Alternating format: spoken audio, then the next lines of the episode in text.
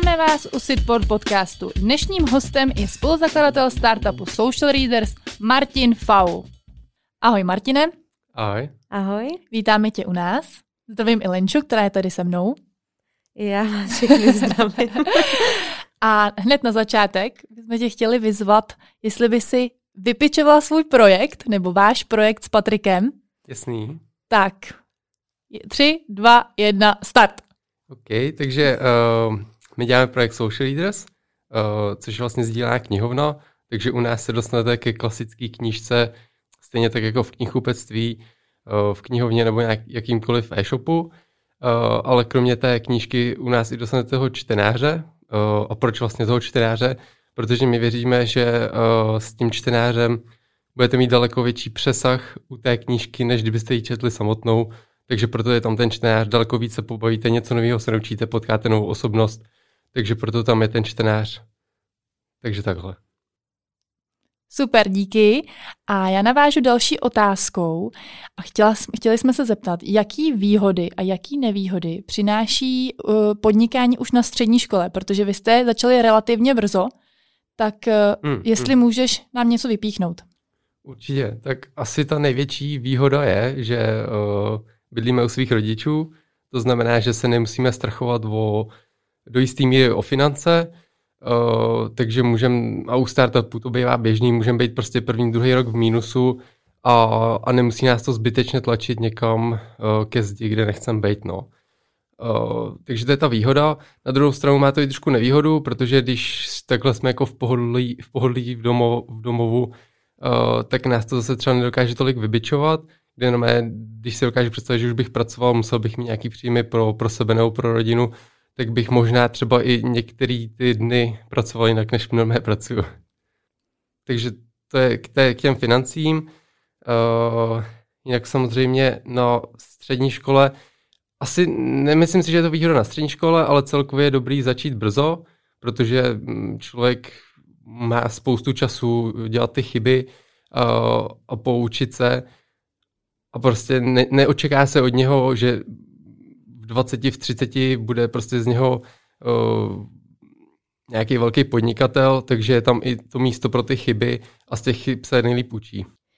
A já na to navážu z trošku jiného soudku a mě zajímá, jestli jste si na samém počátku toho podnikání vypracovávali asi všemi oblíbený business model Canva, Hmm, a hmm. jestli jo, třeba jak do hloubky nebo takhle, protože mnoho začínajících startupů to třeba ani nedělá a vrací se k tomu až později, když už tak nějak tuší, jak to asi bude vypadat.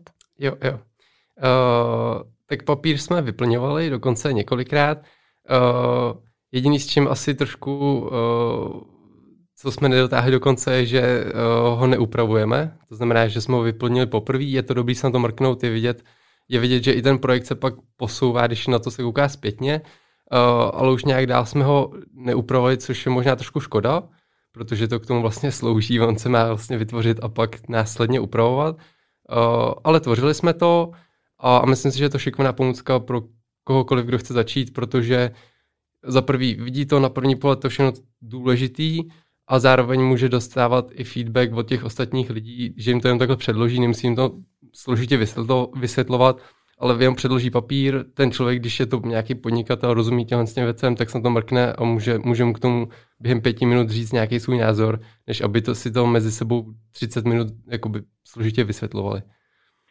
A než jste si ho začali vyplňovat, uh, poradili jste se s někým, jak to správně dělat, nebo jste hledali zdroje na internetu, nebo jak to probíhalo ty úplné začátky? Uh, tak poprvé jsme to vlastně vyplňovali uh, s bráchou. Uh, ten se v tom vyzná, takže ten nám poradil.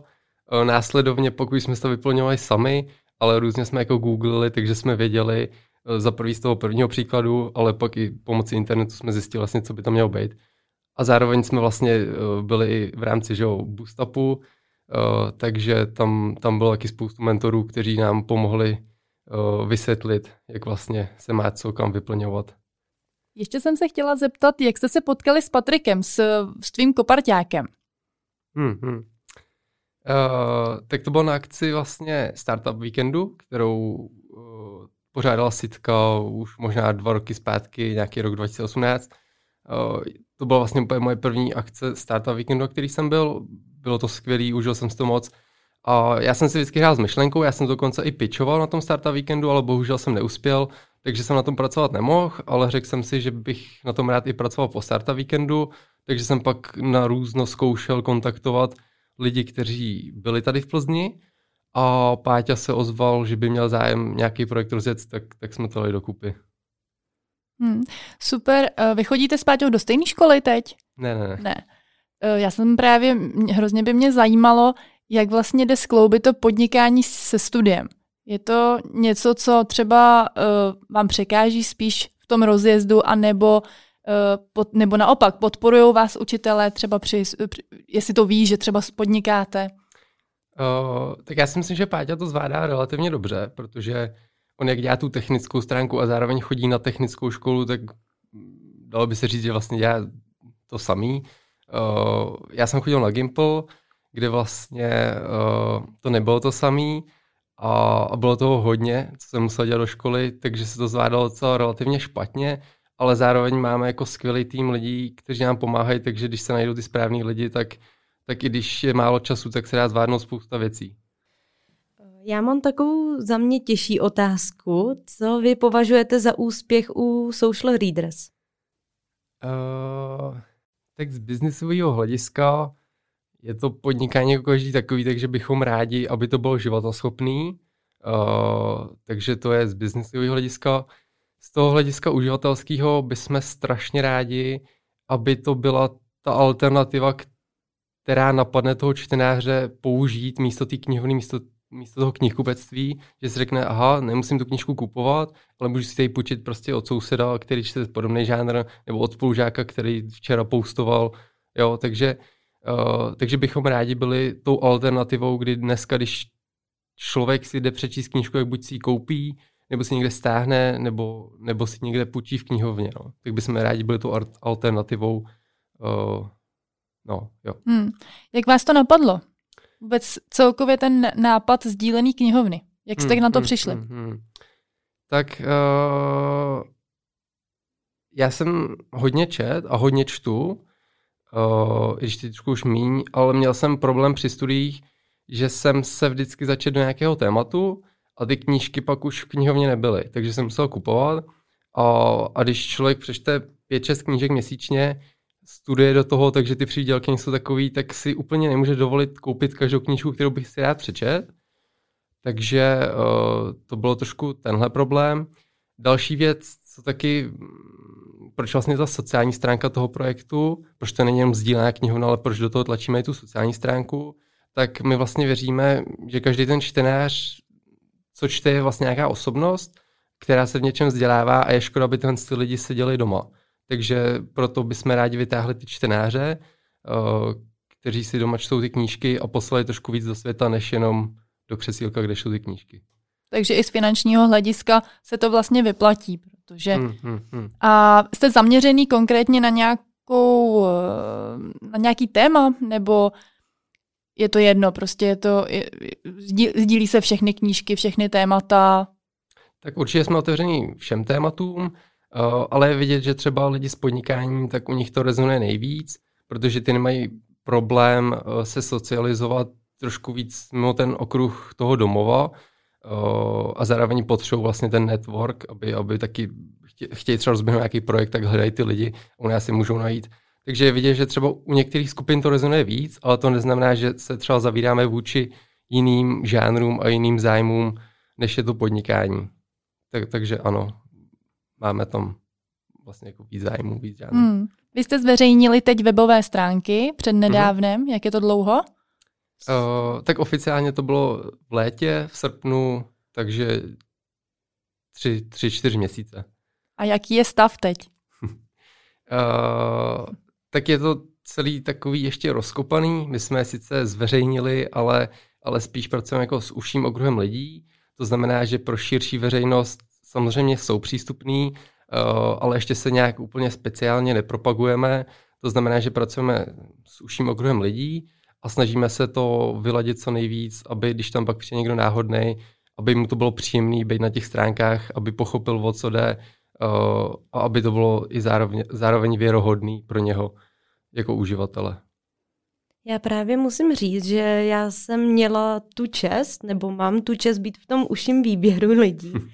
A musím říct, že mě to hrozně nadchlo, protože najednou si my jako uživatelé můžeme vytvářet vlastní prostor, můžeme potkávat lidi, kteří jsou třeba stejně i zaměřený a hlavně u toho biznesu, přesně jak si říkal, to nejvíce rezonuje. A vidím to i u těch knížek, které tam jsou tematicky a a jsem jako z toho projektu za mě nadšená. A myslím si, že i vy, posluchači, když jste se chtěli dostat do toho užšího výběru a nějak dále jako klukům pomoct, tak to za to rozhodně stojí, protože najednou zjistíte, že ten knižní svět může být ještě trošku jiný a, a můžete tam poznat fajn lidi a můžete s nima spolupracovat nebo pracovat na nějakých projektech, na kterých chcete.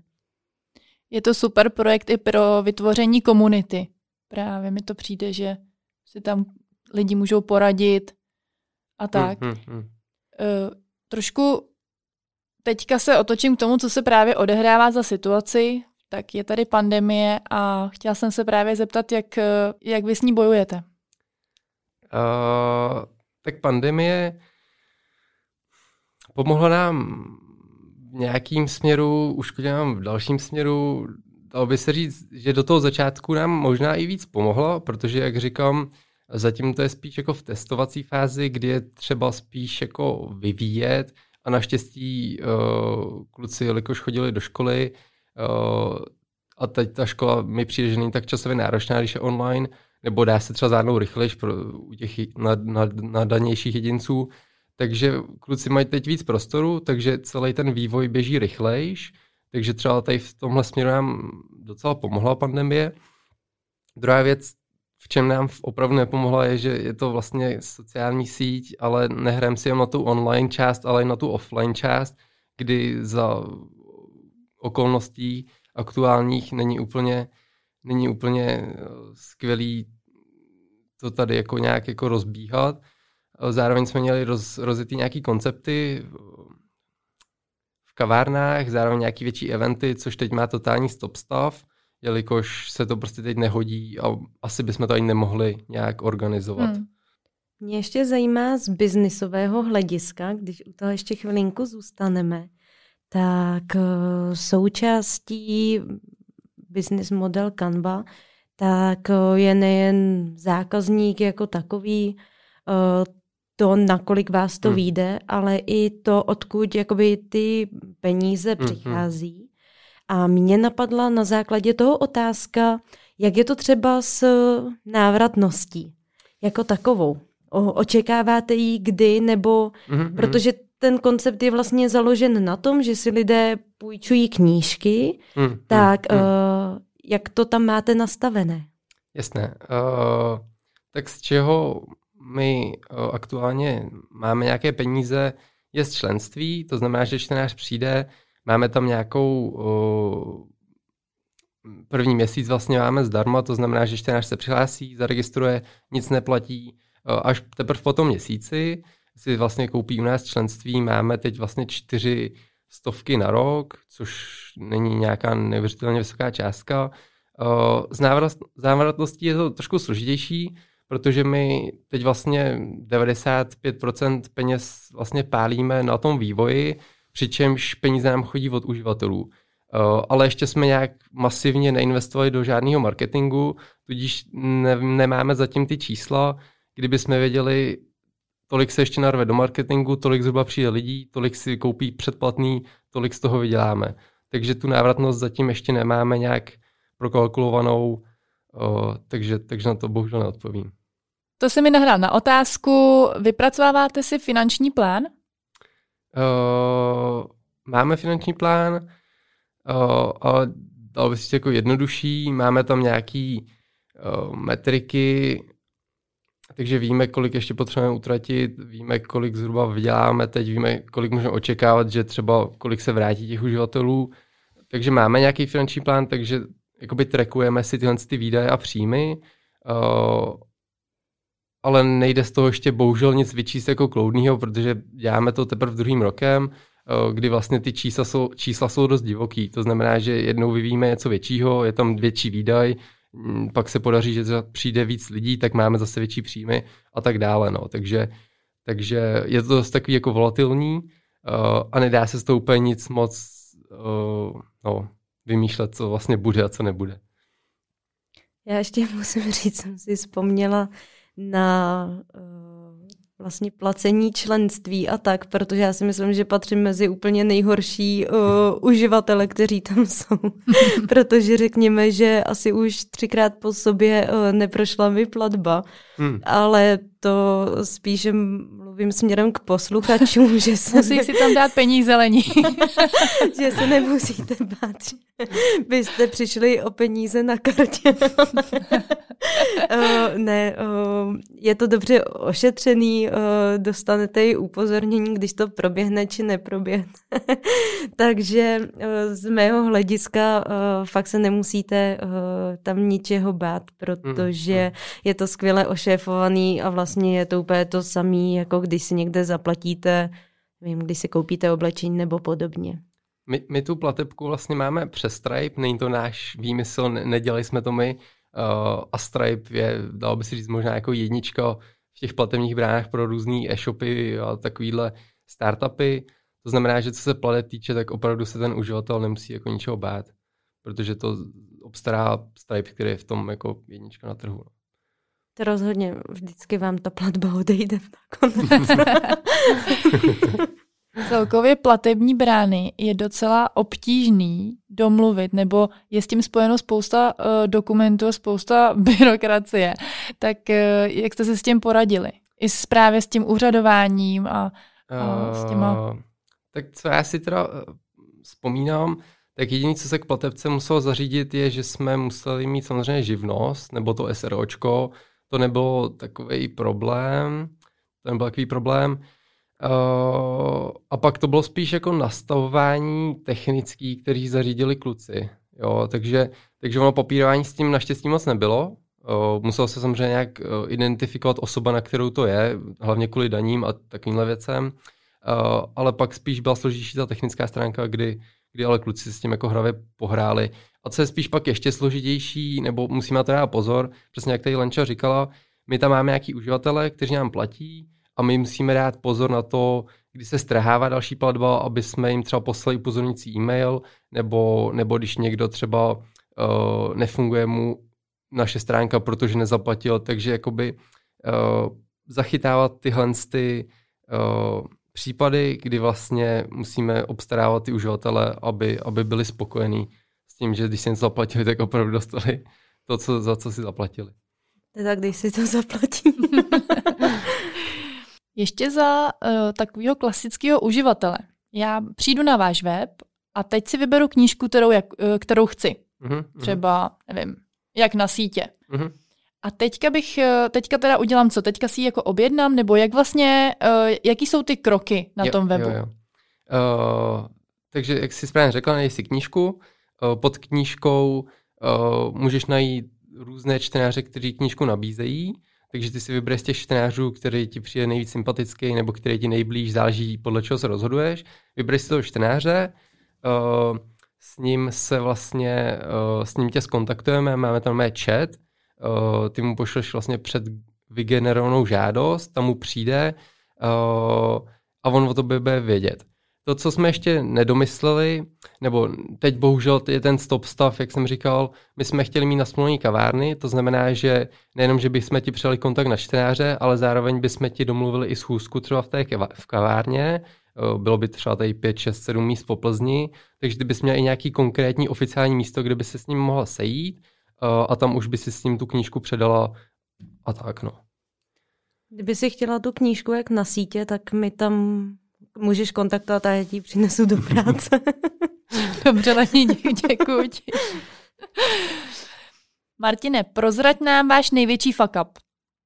Tak uh, největší fuck up, fuck upů máme dost, jsou to většinou technický uh, a jsou to rázu, kdy třeba updateujeme novou verzi webu a zjistíme, že uh, nefunguje nějaké tlačítko, které má klíčovou funkci, uh, nebo se, když moc odscrollujete, tak zmizí content. Uh, takže celkově ty bugy, protože ten web už je docela komplexní a ne vždycky se podaří všechno zachytit, takže jako fuck upy máme věci, které třeba neprojdou naším filtrem a pak jsou v té finální verzi, kterou vy vidíte jako uživatelé na webu. Takže, takže tyhle ty technické věci, takže budeme moc rádi, když něco uvidíte u nás na stránkách, když nám dáte vědět, máme tam kontakt, takže nám určitě dejte vědět o fuck upu a my to opravíme do dalšího, do dalšího týdne.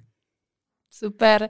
A ještě nám řekni adresu webu a kde vás můžou uh, zájemci kontaktovat. Jo, jo. Uh, tak adresa je www.socialreaders, no mé anglicky, .cz, takže www.socialreaders.cz a veškerý kontakty máte v patičce, takže máte tam na mě číslo, máte na mě mail, takže můžete psát a bude tam i, i uh, dotazníček na vyplňování, to bude co nejdřív, no, takže, takže i tam.